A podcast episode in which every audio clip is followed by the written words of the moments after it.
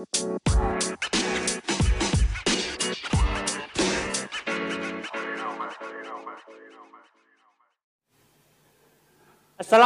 warahmatullahi wabarakatuh. Ya, Oke, teman-teman pramuka pergapan Liga, eh, selamat datang di kajian manis kali ini ya. Eh, pada kesempatan kali ini kita bertemu kembali pada kajian manis yang jagurnya kajian manis selalu ada yang manis begitu ya kan. Oke, sebelumnya ini DKC Kudus juga punya jargon ini Kak Rozi ya. Ini ada jargonnya, izin menyampaikan jargon DKC Kudus ya ini. DKC Kudus, cakti, cakti, cakti, ting. Nah, gitu Kak Rozi ya. Oke, teman-teman perangkat pergaman Dega pada kesempatan kali ini bersama narasumber istimewa kita, ini bersama Kak Rozi. Nah, ini selaku staf Wadet Sabang Kudus. Mungkin kalau yang sudah ke sanggar itu sering dolan ketemu Kak Rozi terus ya. Pokoknya nggak asing. Nah ini Kak Rozi ini akan membawakan apa namanya materi tidak materi sih lebih pada informasi begitu ya terkait uh, tema kita pada kali ini yaitu tentang poin SKU Bantara. Nah, ini poin 8 yaitu tentang telah membantu mengelola kegiatan di Ambanan jadi uh, nanti Kak Rozi akan memberikan sedikit informasi yaitu selaku yang dulunya juga pelaku dalam penegak begitu ya Kak Rozi ya.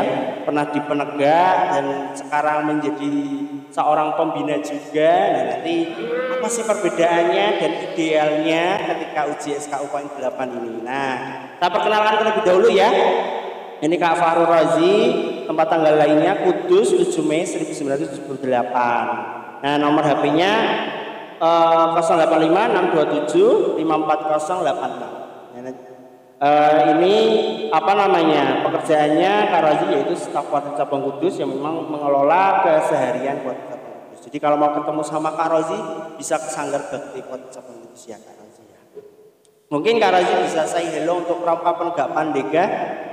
Baik, terima kasih Kiai. Ada di semuanya. Selamat pagi ya pagi di Abidjaluddin uh, ada di Gunung Ketapang Manis kajian manis manis ya betul kak oke assalamualaikum warahmatullahi wabarakatuh salam pramuka salam baik kesempatan yang cukup apa ya uh, sejuk di pagi hari ini di hari yang ke-24 Ramadan hari Kamis 24 Ramadan betul ya?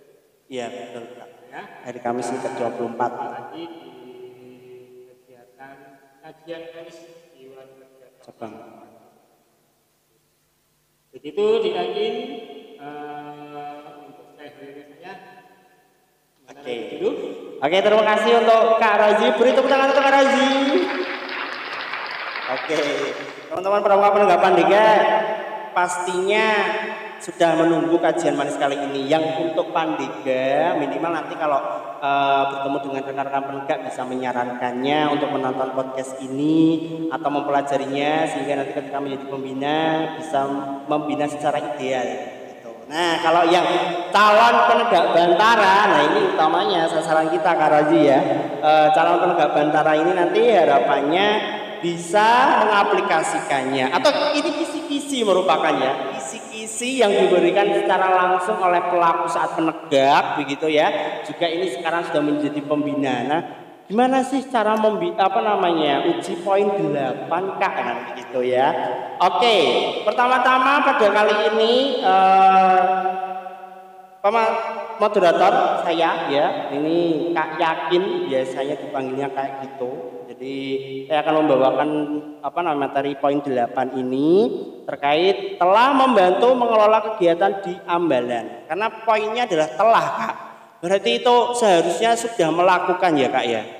Ya, baik, terima kasih eh, uh, Dinating terkait dengan SKO nomor 8 di penegak Bantara uh, eh, telah melakukan apa? Uh, membantu, membantu mengelola. mengelola kegiatan di Ambalan. Ya. Artinya gini, jadi setiap anggota pramuka yang sudah dan notabene sudah dikukuhkan atau dilantik sebagai anggota pramuka di gugus depan atau di ambalan tersebut eh, paling tidak mereka sudah melaksanakan kegiatan rutin latihan rutin ya Betul sekali jadi Kak. kan enam bulan setelah terima di gugus depan ambalan tersebut untuk melaksanakan latihan selanjutnya menuju pada eh, uji syarat kecakapan umum di mana salah satu poin di nomor 8 ya Iya.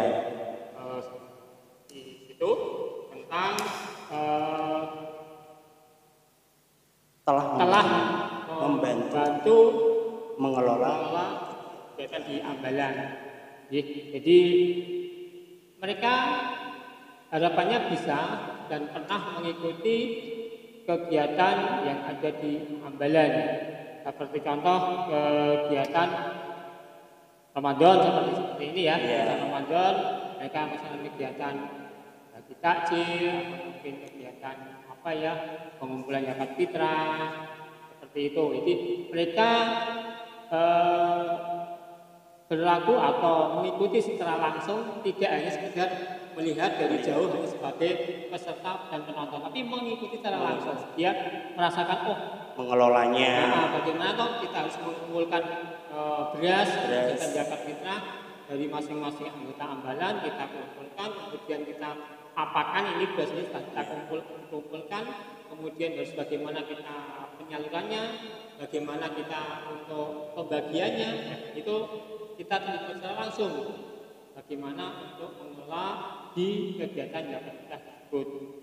Sebagai contoh, di satu kegiatan zakat fitrah itu kan ada pengumpulan beras, kemudian bagaimana kita untuk mengelola, kemudian membagikan sampai dengan habis dan semuanya bisa dipertanggung jawabkan. Sebagai contoh itu kan, uh, di Yatim, Iya. kegiatan di Bayan. Tidak, tidak hanya itu mungkin masih banyak kegiatan yang lain yang notabene cukup selama enam bulan yang bisa mereka ikuti dalam kegiatan um, menjelang kegiatan uji saat ketangkapan itu. Iya, yang untuk Bantara ya Kak, sebelum dilantik menjadi Bantara. Oke Kak, Eh, yang disebutkan Kak Rosi tadi oh, adalah salah satu contoh mungkin bisa diampu, ya, bisa diampu oleh calon penegak yang bisa dimandatkan dari mungkin Dewan Ambalannya atau dari gugus depannya untuk dikelola atau sila apa ya kolaborasi begitu ya Kak antara Dewan Ambalan dengan eh, calon penegaknya begitu ya.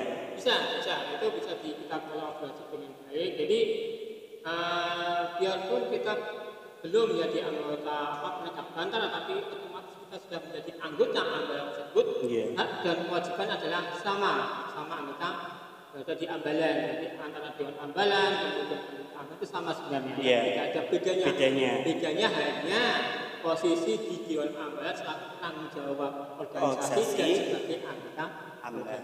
Gitu. Ya betul Kak. jadi semuanya sama kegiatan sama, ya, tidak ada bedanya. Ini ganti posisi soalnya blocking ini Pak. Oke, jadi itu ya eh, kedudukan Dewan Ambalan ini ya ada garis besar kedudukan Dewan Ambalan sama anggota Ambalan itu sebenarnya urgensinya sama-sama memiliki tanggung jawab menjalankan program kerja dari Dewan Ambalan tersebut. Dewan Ambalan hanya sebagai apa namanya penanggung jawab penuhnya begitu ya kak. Anggota Ambalan juga harus juga membantu. Sebenarnya ya memang masuk dalam eh, SK kepanitiaan begitu ya kak ketika Iya. pelaksanaan Betul gitu ya. yang namanya anggota ambalan kan berhak menjadi eh, masuk dalam panitiaan apa pun kegiatan di ambalan. Entah dia sebagai anggota di bidang atau sebagai mungkin kalau memang dia dianggap mampu bisa Iya. menjadi koordinator di bidang itu, tidak masalah. Yang penting eh, mereka dianggap mampu dan layak dijadikan panitia penanggung jawab satu bidang. Gitu. Beda lagi kalau posisinya masih tamu ambalan, gitu. berarti belum merana ke sana, begitu ya Kak Rozi ya. Oke, eh, sudah disampaikan oleh Kak Rozi nih selaku pembina juga. Nah tapi ini Kak Rozi sebelum menjadi pembina juga pernah menempuh penegak juga ya Kak Rozi ya. Ya. Iya, iya kan. Nah itu dulu waktu penegaknya gimana kak? Eh, pengalamannya ketika menempuh poin SKU Bantara dulu ada suka dukanya atau berapa? Ya, yang namanya kita mencari uh, satu tingkatan ya, apa pun itu, tidak hanya di penegak bantara, laksana, Garuda, kita mencapai tingkatan dari siaga mula, bantu, tata, kemudian penggalang ramu, rakyat, itu juga banyak banyak apa ya hambatan mungkin banyak yang harus kita betul-betul kita tekuni, kita kita siapkan untuk ke sana. Memang betul, jadi uh, saya saya pribadi ya, Iya. saya pribadi dari siaga saya tidak pernah sampai ke siaga uh, apa mula tata ya. Saya paling mentok siaga bantu, siaga bantu saja itu mentok. Saya karena sulitnya banget kita untuk mencari siaga tata yang model dulu, uh, dengan model sekarang beda ya. Um, untuk mencari siaga tata itu cukup cukup cukup sulit ya. Kemudian saya berada di Penggalang waktu itu eh, berada di Penggalang SMP 3 Kudus ya di tahun 1991 Nah itu di mana 93 ya? Saya belum ada itu. Mungkin ada di Teman-teman saya ya. Ya. Saya sudah berada di Penggalang dan saya tidak pernah berposisi di pengurus Dewan Penggalang tidak pernah. Hanya sebagai anggota Dewan Penggalang, tapi saya diberi kesempatan untuk tanggung jawab sebagai penanggung jawab bidang syarat percakapan umum. Itu di Penggalang ya. Dan Penggalang pun saya hanya sampai di tamu sakit saja berhenti. Karena kondisi waktu dan sebagainya eh, saya berada di rakit eh, rakit Iya. saja itu sudah hampir kelas 3 ya kelas 3 semester ganjil. Itu masih diizinkan sampai rakit kemudian nah ini Yang penegak. yang ya saya akui saya belum pernah sampai laksana saya cukup di Bantara saja kenapa saya mencari Bantara saja waktu itu sungguh-sungguh sangat sulit Beda dengan Beda yang sekarang ya kak.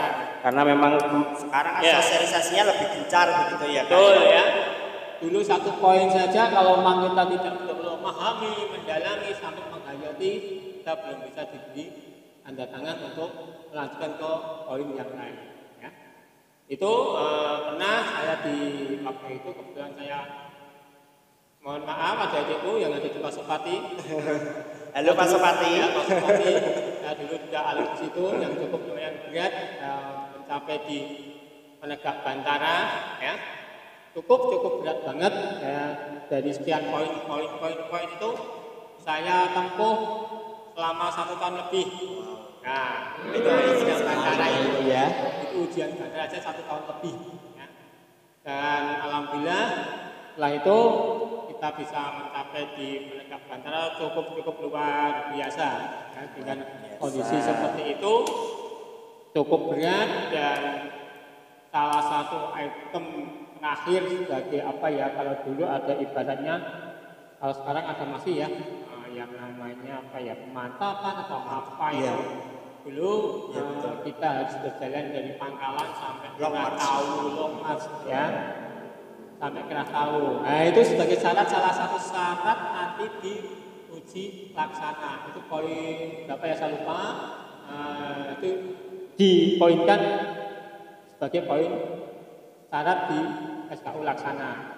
Longsmat dari Pangkalan waktu itu di, masih berada di Sempalan ya, Oh ya. di Jati, di Sempalan Longsmat sampai ke Rastawu, sampai di Bali Desa, sampai di Desa Semliro. Ya.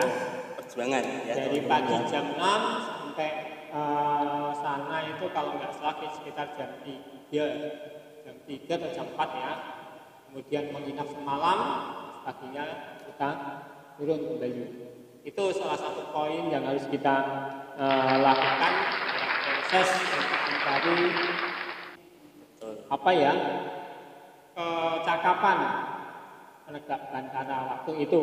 Iya. Tapi sekarang sudah berbeda ya prosesnya eh, agak lumayan di apa ya? Bukan dimudahkan ya, Kan. bukan dimudahkan tapi agak di apa ya bahasanya sekarang itu bukan dimudahkan tapi di umumkan ya efisiensikan ya efisiensikan betul diefisiensikan karena uh, pendidikan sekarang dengan tempo dulu itu berbeda banget ya jadi kita menyelesaikan kalender pendidikan sekarang yang harus kita ikuti sesuai dengan Betul. ketentuannya ya. Sementara itu dia yakin itu proses saya dari Betul. Bantana dan sampai Taksana apalagi sampai Garuda. Oh, kita Belum ya. Iya, sampai Garuda. Karena eh, memang benar teman-teman kalau uang masa saya saja itu ya itu Garuda itu benar-benar kayak idolnya pramuka penegak Ya. pandega yang memang jarang sekali langka sebenarnya Garuda itu apa namanya hewan langka ya. itu teman-teman penegak pandega itu adalah salah satu yang langka dan kalau sekarang itu bedanya karena kita apa namanya saling kuat menguatkan dari atas Ya. ke bawah sehingga sosialisasi itu terus digencarkan sehingga teman-teman semuanya bisa menempuh sampai Garuda begitu ya kak Ya, se- sekarang modelnya kan dari kuartir, cabang, kuartir ranting, Iya. kemudian teman-teman di ada di, di Dewan Kerja Ranting, Dewan Kerja Cabang, aktif dalam hal pembinaan kepada uh, adik-adik pramuka penegak Penegak Pandega. Kalau tempo dulu, mohon maaf ya, boro-boro kita turun ke bawah ke- ketemu jumpa saya hello aja satu satu kebanggaan, satu Iya, kebanggaan. Kita ketemu ketua DKC Tempo dulu itu waktu kali ketemu artis ya keistimewaan Iya, jadi kemudian kita mau teman-teman menegak mau ke kuartir cabang itu, wih kayaknya Perjuangan. perjuangan banget ya. Satu kebanggaan. Iya. Saya boleh cerita ya. Dulu Iya. waktu saya penggalang pernah ada yang namanya kegiatan pesantren Ramadan. Dulu, ya. saya waktu itu dikirim untuk mengikuti pesantren Ramadan di gedung Pramuka Kabupaten Kudus. Bayangan saya. Bayangan, ya. Bayangan saya. Coba indah Seindah. di pendopo itu ya kita dikirim untuk pesantren Ramadan eh, di kantor Pramuka Kabupaten Kudus waktu itu saya belum mengenal. WhatsApp ya nah wes setelah sampai sini oh ternyata seperti ini kita sesederhana itu teman-teman ke Kabupaten Kudus waktu itu penggalang harus bagaimana itu satu kehormatan dan satu kebanggaan tersendiri. Iya. Tempo dulu ya untuk sampai ke sini aja itu Perjuangan. perjuangan. Saya masih ingat kemudian saya masih di SMP 3 itu di yang dekat Matahari. Untungnya dek- agak dekat jalan kaki. Jadi setiap hari pulang pagi sampai Sanggar Pasar Kudus, sorenya balik lagi. Nah, itu terus sampai selama tiga hari. karena masih deket Iya. kayak Bayangkan teman-teman yang, yang dari Dawe jauh, wah. Harus naik angkot itu aja. Satu pangkalan satu sekolah hanya dua orang. Mungkin dua kali. Ya Itu aja saya alhamdulillah masih dekat bisa jalan kaki.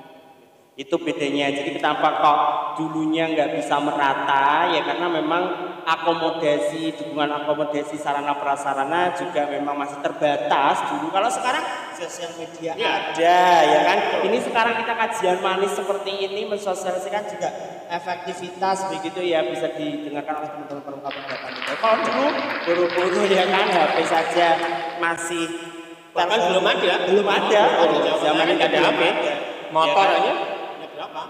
Nah itu, jadi itulah kenapa bedanya. Nah ini teman-teman penegak pandega harus bersyukur nih berada di uh, Eranya sekarang. era sekarang begitu ya. Jadi semangat ketika nanti menempuh penegak bantara. Nah menarik sekali kak tadi yang diceritakan oleh Kak Rozi ya. Tadi sudah sekelimut ya cerita ketika penegak begitu ketika menempuh uji bantara itu sampai satu tahun begitu ya berbeda dengan yang sekarang. Tadi digarisbawahi bahwasanya kenapa kok sekarang eh, mungkin katakanlah lebih mudah dan sebagainya itu bukan lebih mudah tapi diefektivitaskan atau efisiensikan sehingga teman-teman semuanya bisa mencapai karena sebenarnya eh, syarat kecakapan umum itu memang bisa dicapai oleh semua orang begitu ya kak teman-teman pramuka penegak pandega oke Ya, ini eh, gimana kak efektivitas dan efisien itu jangan di salah artikan. Salah ya. artikan, Efektivitas betul. dan efisien jangan salah artikan. Jadi, wes di pengawal gampang dianggap. Tapi intinya dia tidak bisa mengamalkan itu yang repot. Repotnya. Ya, jadi boleh diefisienkan, diefektifkan, tapi betul-betul mendalami dan memahami isi daripada salah satu syarat per poin per poin dari masing-masing. aplikasinya. Nah, pengaplikasiannya itu yang perlu yang paling penting gitu ya. Nah ini eh, menarik nih kak. Kepikiran sama pengalaman yang saya ini. Kalau saya dulu itu kak eh, dikasih jatah mengelola itu. Mengelola itu ketika setelah bandara kak. Jadi eh, apa namanya kayak PTA itu berarti, kegiatan pertama kita megang begitu. Nah itu sebenarnya kalau seperti itu masih bisa tercapai poinnya ataupun pelantikannya kemarin itu tidak masalah, tapi yang penting poinnya nanti segera dipenuhi atau harus bagaimana kak? Sebenarnya yang ideal. Ya, baik. Eh, sesuai dengan poin itu di gerakan pramuka kan ada aturan dan ada ketentuan. Iya. Mungkin bisa disesuaikan dengan kondisi Masing. masing-masing pangkalan, eh, gugus depan. Kalau memang sekiranya adik tersebut eh, belum bisa mencapai di poin 8 karena dianggap eh, mereka belum mampu dan Iya. belum bisa. Nah, mungkin sebagai catatan, catatan saja lah. Betul. Nah, kalau hanya kurang 8, ah, kenapa tidak diloloskan Diloloskan. jadi bandara kan gitu. Oke ya, nomor 8 belum kita eh, beri catatan. Nah, akhirnya nanti kalau memang dia sudah masuk di dilantik menjadi penyikat bandara harus punya tanggungan itu Target nomor gitu ya, Kak? nomor 8 harus kita berikan kepada yang bersangkutan untuk menjadi salah satu pengelola kegiatan apa pun, Apa pun. yang ada di depan. Jadi nggak masalah. Jadi seandainya eh, kalau kami di pernah di pangkalan seperti itu, jadi kita berikan kesempatan mereka tetap kalau hanya kurang poin 8 tapi kesempatan mereka untuk tetap ikut pelantikan. Tapi dengan catatan nanti poin. 8 harus dipenuhi atau diselesaikan dalam waktu eh, yang sudah kita tentukan. Apa pun kondisinya. Gitu. Ya. Karena kan kalau poin 8 sendiri kan fleksibelnya adalah mereka ketika nanti menjadi dewan ambalan pun secara otomatis akan meng- mengelola begitu ya kak. Poin itu akan tercapai begitu. Ya, jadi jangan dijadikan apa ya ketakutan, Ketakutan, dan mungkin betul. apa ya kebosanan bagi peserta didik lebih-lebih ah, kurang malu-malu kok era Iya, betul. Jadi kita sama pramuka. Pramuka, nah, repot. ya. Artinya kita akan kehilangan eh, anggota yang betul-betul nantinya akan menjadi penerus, Penerus kita kita, yang eh, benar-benar yang benar-benar ingin niat dengan pribadi dengan hatinya ingin niat pramuka tapi gara-gara poin nomor 8 Delapan. tidak bisa direkomendasikan karena belum memenuhi. Jadinya mereka tidak bisa. Lemes, ya. lemes bahasa bahasanya yakin lemes artinya terus mau malu pramuka repot lagi. Kan gitu Repot. jadi gitu ya. Jadi jangan sampai eh, efektif dan efisien itu dipermudah tapi bisa betul-betul mengaplikasikan nantinya. Setelah dia mencapai eh, seorang tanpa Nah, oke teman-teman ya, itu cara menempuh poin 8. Jadi banyak caranya. Pra pelantikan juga itu sangat efektif, ya kan, ideal.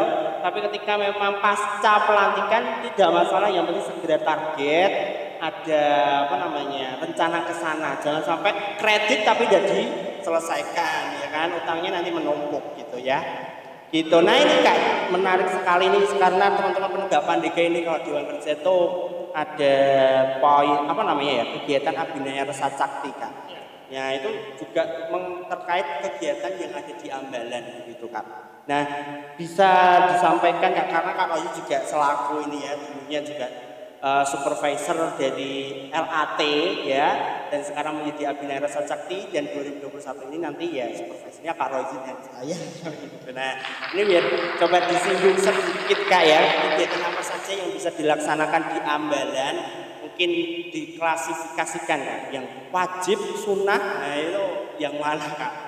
Ya, baik. Ya, terima kasih ya. Jadi Abinaya Sakati yang pernah saya sampaikan di forum teknik kemarin ya. Jadi jelas balik Abinaya Rasa Sakti itu yang dulunya lomba awalan terbiak eh, kemudian dua tahun belakangan ini diubah menjadi abdi nyaya saksi itu merupakan apa ya eh, model model kegiatan di Dewan Kerja Cabang Kudus terkait dengan pembinaan, evaluasi dan apa ya eh, koreksi bagi teman-teman adik-adik di pangkalan depan pramuka penegak dan pandega.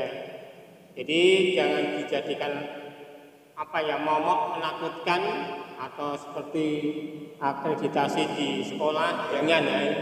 Itu satu kegiatan yang mungkin untuk menilai atau melihat seberapa toh kemampuan teman-teman adik-adik kita dan mengapresiasi. Iya, adik-adik kita di pangkalan khususnya pangkalan penegak dan pandega itu berkegiatan kepramukaan lebih-lebih nanti apabila di posisi yang sesuai dengan ketentuan di Abinaya Sakti akan mendapat apresiasi baik apresiasi di tingkat purwa, madya maupun utama.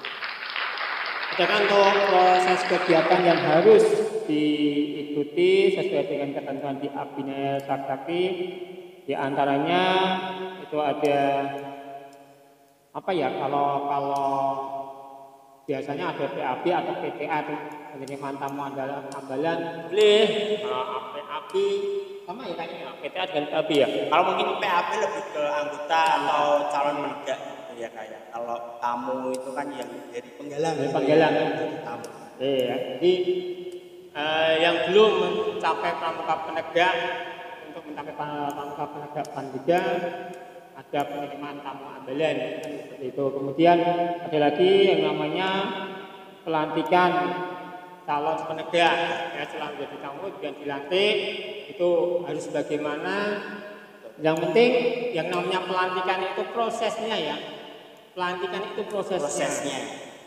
yang namanya pelantikan di gerakan pramuka itu pasti ada yang dilantik, ada yang melantik, ada yang menyaksikan, ada ikrar janji tri satya. Itu yang urgensinya, intinya. Sedangkan mohon maaf, ada prosesi yang lain, ada siraman, kemudian ada penciuman, bendera dan sebagainya itu hanya tambahan. Yang pokok yang hanya pelantikan adalah ada yang dilantik, ada yang melantik, ada yang eh, menyaksikan, kemudian ada ikrar, ya, disaksikan oleh sang merah putih itu yang namanya pelantikan. Dan yang lain adalah proses tambahan, prosesi tambahan.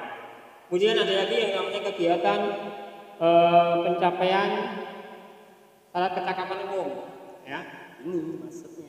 Nah, syarat pencapaian kecakapan, kecakapan umum di masing-masing gugus depan, di masing-masing bulan ya, itu dalam kurun waktu satu tahun berapa persen dari jumlah anggota yang sudah mencapai pramuka bantara, bantara, bantara kemudian pramuka negak laksana.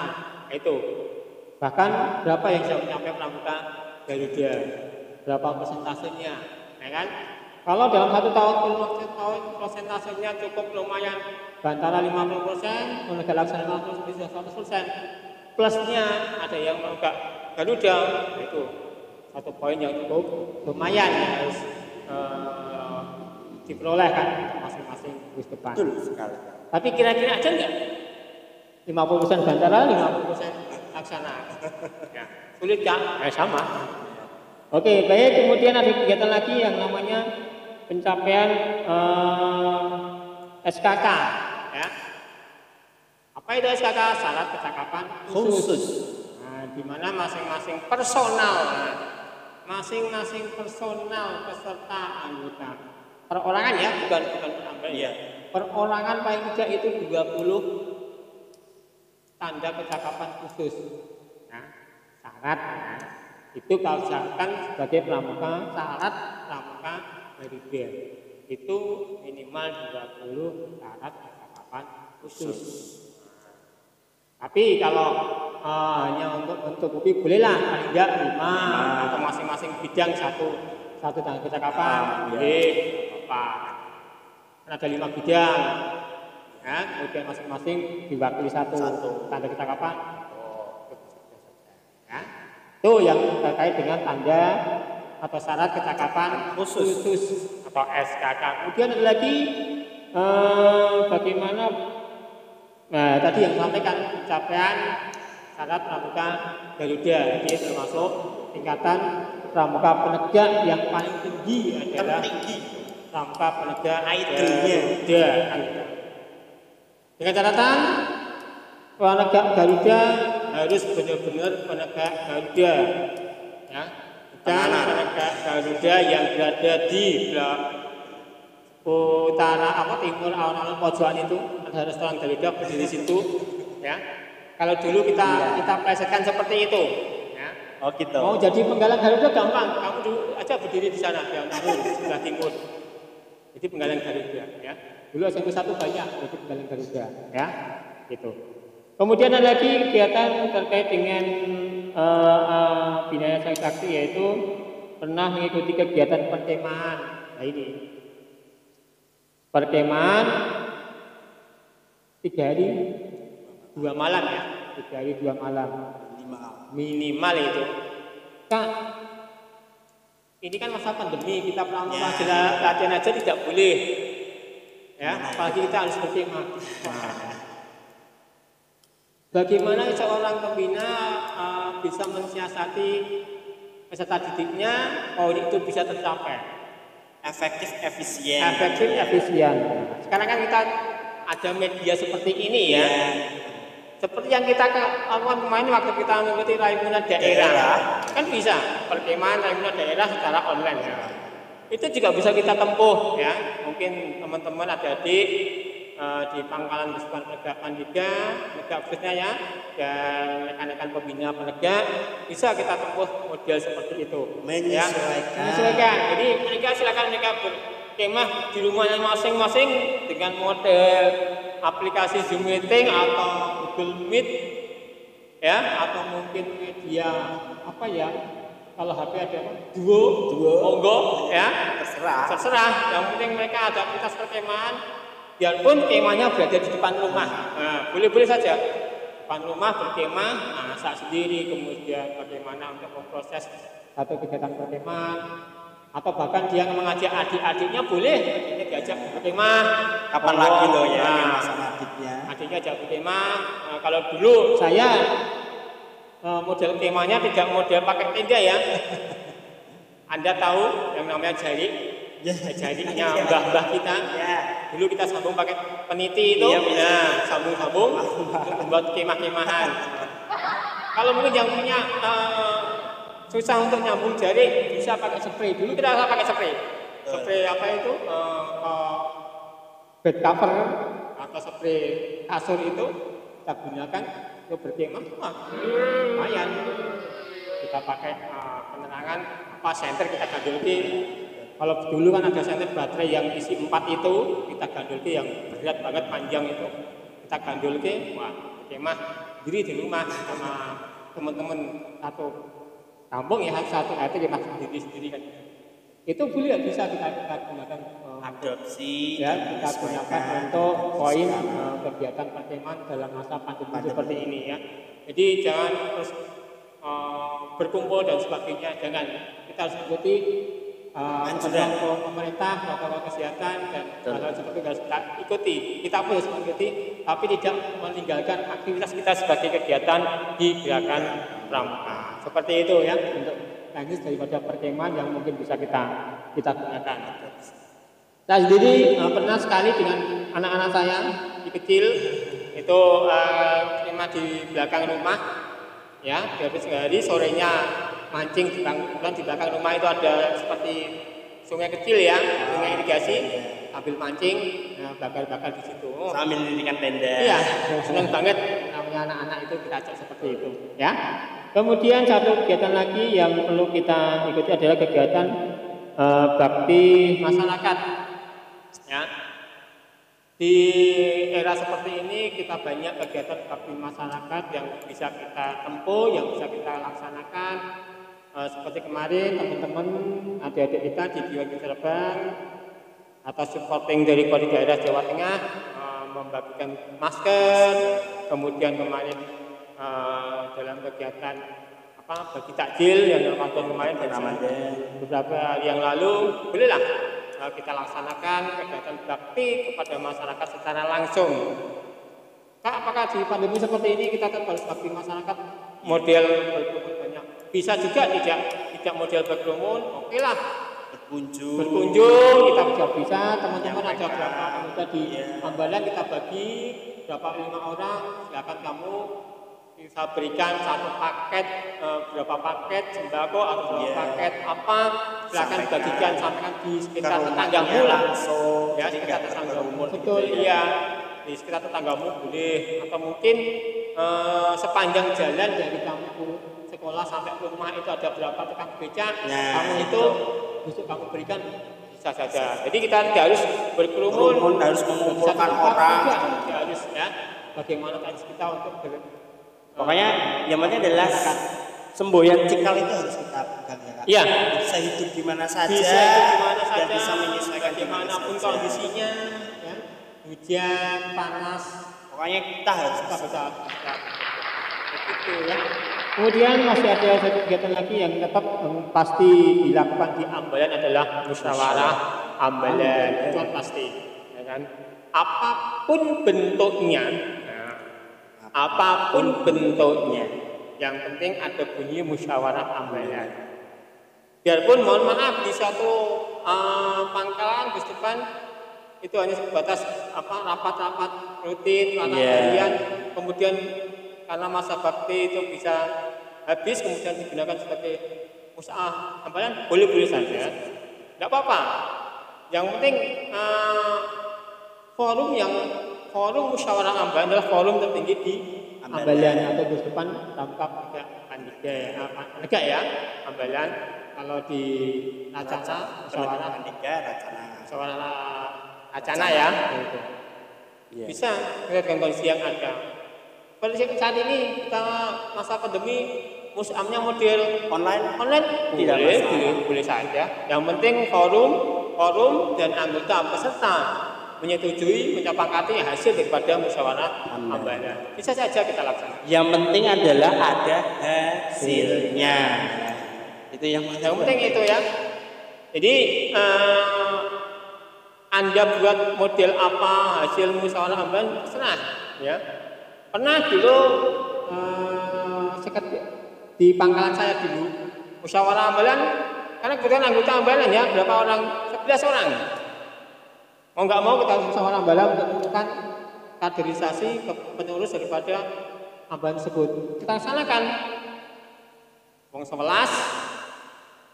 panitia pemimpin sidang rapat ya sudah kita jalankan. Yang penting hasilnya kita buat satu bentuk kegiatan musyawarah ambalan ada laporan tanggung jawaban kemudian ada eh, program kerja satu tahun ke depan kemudian ada rencana anggaran yang harus kita gunakan selama satu tahun ke depan ada ya. Yang penting itu. Yang penting adalah itu. Ya. hasilnya ya. Pak. itu tetap kita kita buat Karena- apa pun kondisinya.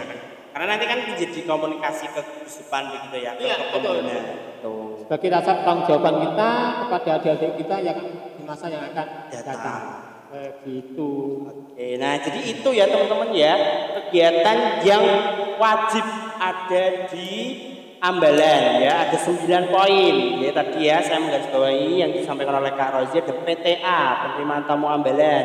PCP atau PAB itu otomatis kalau dilantik calon penegak ya berarti otomatis menjadi anggota Ambalan. Nah, baru nanti Bantara, Laksana, SKK, Garuda ya kan? Terus perkemahan tiga hari dua malam bakti sama musyawarah ambalan. Itu yang ya itu ya teman-teman mungkin eh, apakah perlu kegiatan lainnya kak? Selain sembilan itu mungkin yang menunjang eh, kualitas dari pramuka penegak itu sendiri. Ya eh, selain apa ya kegiatan yang pasti dan harus di satu ambalan itu kan itu kan pasti rutinitas. Rutinitas. harus harus ada dan bahasanya kalau kita bahasakan wajib sih tidak tapi harus otomatis. Secara tidak langsung harus. Dilaksanakan tim musyawarah wajib satu tahun Wajib. sekali yang itu PAB bentuknya apa pun Nah, PTA kan wajib itu. Pelantikan bantara, uji syarat eh, uji syarat ketangkapan umum wajib. Uji syarat ketangkapan khusus wajib dan hanya sekali. Itu rutinitas yang wajib. Dan yang uh, kegiatan tambahan yang bisa kita lakukan adalah kegiatan-kegiatan pelatihan, ya kan? Contoh di ambalan mungkin uh, ada yang namanya apa ya? Mungkin dewan baru. Uh, pelatihan pengelola dewan ambalan yang, yang terpilih. terpilih itu kan itu bisa. bisa. Kemudian ada yang sekarang apa ya? LPK. LPK. LPK itu mungkin ya. bisa. Karena kan urgensinya ya. bukan lagi dasar. Iya. Sudah pengembangan. Sudah pengembangan. Bukan LDK lagi. Bukan LDK lagi ya. Tapi LPK sudah mengembangkan. Latihan pengembangan Kegiatan pramuka kemudian lebih lagi seperti geladian pemimpin satuan, dia pinsa, dia pinsa, dia dia memimpin sangga, ya kan? Bisa. Bisa. Kembali sangga-sangganya yang banyak kata-kata ya. ya kan? Nah, karena gini, mungkin salah atau benar ya di beberapa pangkalan di depan ambalan khususnya. Sekarang model latihannya dia sudah meninggalkan yang namanya pembagian per sangga, ya kan? Padahal di penegak penegak itu kan adanya ada lima sangga yang harus dipenuhi, ya kan? Ada perintis, mencoba, pelaksana, pendobrak, ya, ya. itu harus dipenuhi karena itulah satuan terkecil di pramuka penegak, ya, di sana. Ada yang namanya sangga atau kelompok kecil di gugus depan. Karena syarat menjadi satu ambalan adalah empat sangga sesuai dengan ketentuan yang ada 231 itu kan empat sangga di masing-masing sangga kalau sekarang 6 sampai dengan 8 anggota ya, betul ya. Jadi itu. Jadi mulai kembali kepada satuan kecil di masing-masing sangga. Bahkan mungkin kegiatan-kegiatan pelatihan yang lain bisa dilaksanakan dan notabene adalah pasalnya adalah di anggota APR atau sangga-sangga tersebut, ya kan? Mungkin ada kegiatan lagi yang namanya apa ya? Uh, yang lainnya mungkin ya kan di luar ya, pelatihan gitu ya kan? Di luar pelatihan yang melibatkan di auda ambalan ah. mungkin yang boleh ya kak kayak gitu ya? Ya boleh. Nah itu mungkin apa ya satu kegiatan yang dianggap bisa rutin pasti. Ya. Karena yang namanya HUT ambalan itu pasti, pasti ya. gitu ya. ya. Kegiatan yang lain bisa terkalahkan gara-gara HUT ambalan. itu itu itu mungkin seremoni yang terbesar gitu ya. Bahkan eh, bisa menghilangkan kegiatan yang lain. Malah gak usah menguatkan bantara, gak usah bantara penting HUT ambalan. Itu juga ada, ya kan? Seperti itu. Jadi itu mungkin kegiatan-kegiatan tambahan yang bisa dilakukan, dilaksanakan pangkalan dan di depan ya. Betul seperti itu. Oke, jadi itu ya. Uh, selain sembilan kegiatan tadi boleh, ya boleh kegiatan lainnya mungkin membuat sebuah kegiatan yang bisa menarik anggotanya, gitu. Di luar sembilan itu, mungkin kalau sembilan itu adalah menjadi rutinitas yang mungkin bisa merefleksikan lagi, merefresh, lebih kesenang-senang, nah itu bisa kegiatan lainnya atau kegiatan pelatihan. Kegiatan pelatihan tidak melulu yang terkait dewan ambalan ya, mungkin sekarang zaman sekarang mungkin pelatihan editing video ya, nah. masalah editing apa desain grafis ya kan, jadi disesuaikan saja dengan kebutuhan begitu ya Kak Rozi ya. Ya, saja di era sekarang kita kan sekarang eranya era digital. Digital. Ya, literasi digital ya. Iya. Uh, bahkan apa uh, kakak kita aja Atikoh Ganjar Pranowo mencetuskan Jawa Tengah melopori yang namanya kegiatan Saka Milenial. Kenapa? Memang ya maupun tidak sekarang kita berada di era literasi digital. Betul kak. Apa pun kegiatan yang bisa kita laksanakan baik secara langsung maupun media apa ya digital bisa kita gunakan sebagai fasilitas dalam kegiatan. Kami sampaikan di akhir tadi ada apa pelatihan editing video, editing video website, kemudian yeah. apa uh, sekarang kalau kemarin biasanya teman-teman ada di kita itu ben pinter IT, ya. Yeah. kita belajar seperti ini, ya. seperti ini gitu. Nah, seperti ini. Ini kan di era sekarang. Betul. Dulu kan kita nggak ada. Kita, saya sendiri. Ya. Mohon maaf, untuk merangkai seperti ini saya belum bisa, ya kan? untuk meramu model seperti ini. Nah, memang ini di eranya adik-adik semuanya, di eranya adik-adik Harus bisa menyesuaikan. Mandega ya, harus bisa menyesuaikan seperti ini ya. Ini saya kalau ada kegiatan Zoom meeting atau kegiatan apa di kota cabang, dah saya tidak akan bingung-bingung. Saya serahkan sama Yakin dan kawan-kawan beres gitu. Ini yang milenial yang berperan ya. Jadi sekarang yang harus berperan aktif di era digital ini seperti ini ya kegiatan-kegiatan seperti ini eh, ada kajian manis seperti ini kemudian apa lagi? Kopiku. kopiku ah. Kopiku. Live itu kalau kopiku. Ah, dikasih ada kegiatan itu dan model kita seperti ini. Dan alhamdulillah perangkat-perangkat yang sekarang kita gunakan adalah sebagian Sudah support. ya ada supporting dari kuali daerah Jawa Tengah dari kuali cabang dan alhamdulillah ya. Di era ini kita tidak ketinggalan jauh ya dengan teman-teman kawan-kawan kita di kuali cabang yang lain. ya. Jadi apa pun kondisinya kita tetap berusaha semaksimal mungkin untuk berpartisipasi di kegiatan dengan kondisi dan situasi yang ada masing-masing kuali cabang Nah, ya itu. termasuk di pangkalan ada semuanya. Pangkalan pramuka penegak pandega ya di ambalan. Apa pun kondisinya ya biar kak tempat saya kan eh, tidak punya IT dan sebagainya.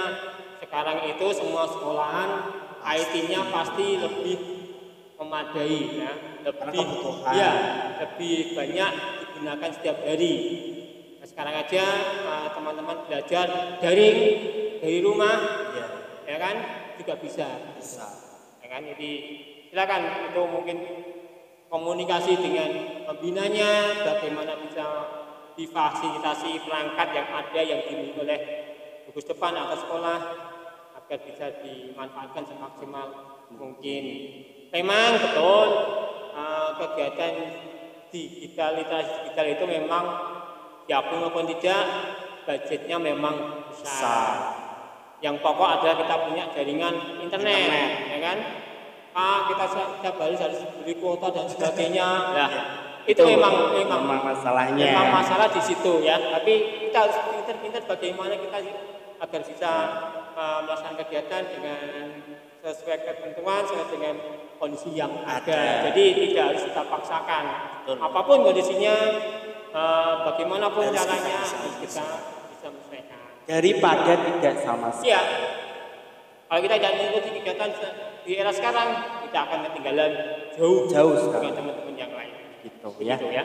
Oke, sangat menginspirasi teman-teman semuanya ya untuk podcast kali ini tentang kajian manis poin 8 telah membantu mengelola kegiatan Hambalan. Sudah banyak sekali bincang-bincang dengan Kak Rozi dan semoga ini membantu para calon-calon penegak bantara untuk menempuh poin 8 khususnya dan bagi penegak ba- pandi apa namanya golongan pandega. Nah ini kalau ada adik-adiknya atau eh, apa namanya lagi mengampu ya kan menjadi pembina muda kalau istilahnya apa ya pembantu pembina enggak ya entah apa Eh, yang adik-adik membantu punya Nah, di pangkalan. nah itu mungkin membantu lah gitu ya itu silakan nanti bisa di apa namanya sarankan untuk menonton podcast kajian manis DKC Kudus pada poin 8 oke begitu Kak Razi untuk bincang-bincang yang kali ini mungkin ada closing statement untuk teman-teman pramuka penegak pandega pada sesi akhir ini Baik ya adik-adik dan adik-adikku semuanya, pramuka penegak Pandega, khususnya pramuka penegak di jajaran Wartir Cabang Kudus di agenda kajian manis kita kali ini. Yang penting kita tetap patuhi anjuran pemerintah, eh, jaga protokol kesehatan kita, ya. gunakan masker, kemudian jaga jarak, cuci tangan dengan sabun, Ya. kemudian jauhi kerumunan, apalagi mau lebaran ya? Ya, ini kurangi mobilitas kan itu. Yang semula 3M menjadi 5M, tetap kita harus pegang teguh, kita patuhi eh, terkait dengan kondisi sekarang. Kemudian terkait dengan kegiatan kepramukaan, ada di semuanya laksanakan semua kegiatan yang sudah direncanakan sesuai dengan kebutuhan, sesuai dengan situasi kondisi yang ada sekarang.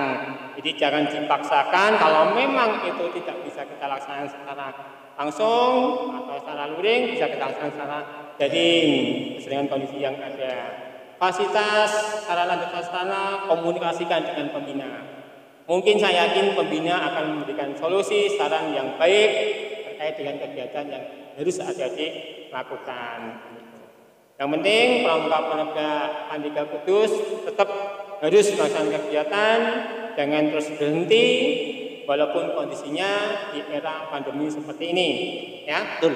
otomatis kalau ada adik di Pangkalan tidak melaksanakan kegiatan, tidak ada artinya Dewan Cabang ada di sini, kan gitu. Karena Dewan Cabang adalah penopangnya adalah teman-teman adik-adik kita yang ada di Pramuka Penegak Pandika di gugus depan. Betul. Kalau ada di gugus depan tidak aktif, percuma dikasihnya kayak musuh apa nih penegak di aktif ya sama aja nggak bisa berjalan. Kerjasama. Yang penting ada komunikasi, saling mengisi, saling membantu, ya.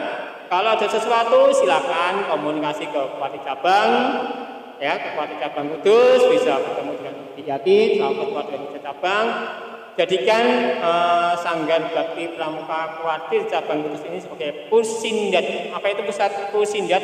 Pusat informasi dan data. Ya. Jadi kalau mungkin ada di pangkalan yang non jauh di sana ingin berkomunikasi, ingin berkoordinasi, konsultasi terkait kegiatan pramuka silakan komunikasi dengan Dewan Kerja Cabang Kudus atau mungkin tidak punya koneksi langsung dengan Dewan Cabang Kudus bisa minta bantuan teman-teman adik-adik kita yang ada di Dewan Kerja Ranting di wilayah masing-masing. Komunikasikan. Kak kita mau eh, ketemu dengan kakak di Dewan Kerja Cabang. Mohon bantuannya untuk bisa difasilitasi mungkin diantar atau bagaimana. Silakan yang penting komunikasikan dengan baik dengan Dewan Kerja Ranting pembina khususnya. Jangan eh, teman-teman berkegiatan tanpa ada koordinasi kendali di orang dewasa. Karena apa? Pramuka penegak itu ada motonya dari oleh dan untuk, tapi tetap di bawah pengawasan seorang pembina atau anggota dewasa. Begitu ya, jadi semuanya di kesempatan kali ini saya ucapkan terima kasih atas segala kegiatan yang ada dilakukan di depan dalam rangka mendukung kegiatan pengembangan gerakan pramuka khususnya pramuka penegak dan juga selamat eh, di hari terakhir Ramadan sampai nanti selesai di menyambut bulan satu Syawal, Syawal Raya Idul Fitri 1442 Hijriah. Terima kasih atas perhatiannya. Saya kembalikan pada Di Yakin. Oke, terima kasih atas closing statementnya dari Kak Rozi. Beri tepuk tangan untuk narasumber kita. Oke. Terima kasih untuk Kak Rozi atas Ya, sama-sama. apa namanya informasi dan arahannya kepada pramuka penegak pandega yang ada di Kudus dan mengisi pada kajian manis sesi kali ini. Sampai jumpa sekali lagi ya teman-teman pada sesi kajian manis selanjutnya. Jangan lupa stay tune karena di akhir bulan ini Mei nanti ada kuis terkait materi podcast hari ini. Jadi didengarkan dan disamakan nanti kuisnya akan ada giveaway. Apa itu giveaway-nya? Mari kita tunggu saat Kamis terakhir di bulan ini ya. Selamat menunaikan ibadah puasa dan selamat menyambut satu Syawal hari raya Idul Fitri. Kami semuanya Kak Rozi dan saya di sini yang ada di podcast mengucapkan mohon maaf lahir dan batin. Semoga eh, Ramadan kali ini berkah gitu dan nanti bisa saling memaafkan di hari yang fitri. Demikian mari kita tutup dengan jargon kajian manis selalu ada yang manis. DKC Kudus, cakti, cakti, cakti, ting. Wassalamualaikum warahmatullahi wabarakatuh. See you, bye-bye.